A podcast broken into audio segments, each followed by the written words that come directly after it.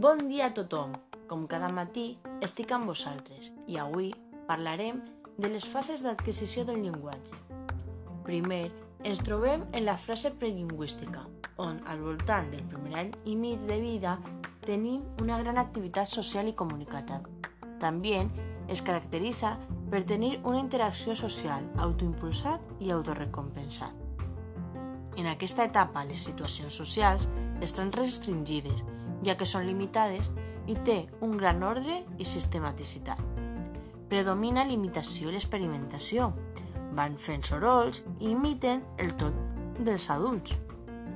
Per altra banda, trobem el desenvolupament fonològic i podem diferenciar-lo en dues parts. 1.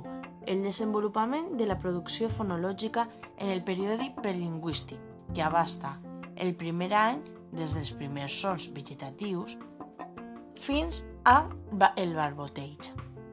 I dos, l'adquisició fonològica en el període lingüístic. Des de la fonologia de les primeres paraules a l'expansió fonològica en un període de temps des del primer any de vida fins als 4 anys. Segons Laura Boig, l'adquisició del repertori fonològic català s'aconsegueix de la següent forma. Primer, els vocals, cap als dos anys. Fonemes nasals, oclusius i fricatiu als 3 anys. Fonemes africats als 7 anys. Fonemes líquids, vibrants i laterals, la R i la L als 3 anys. La L, la doble L als 4 o 5 anys. La doble R a les 7 anys. I fins ací la primera part de les fases d'adquisició del llenguatge. Fins altre dia!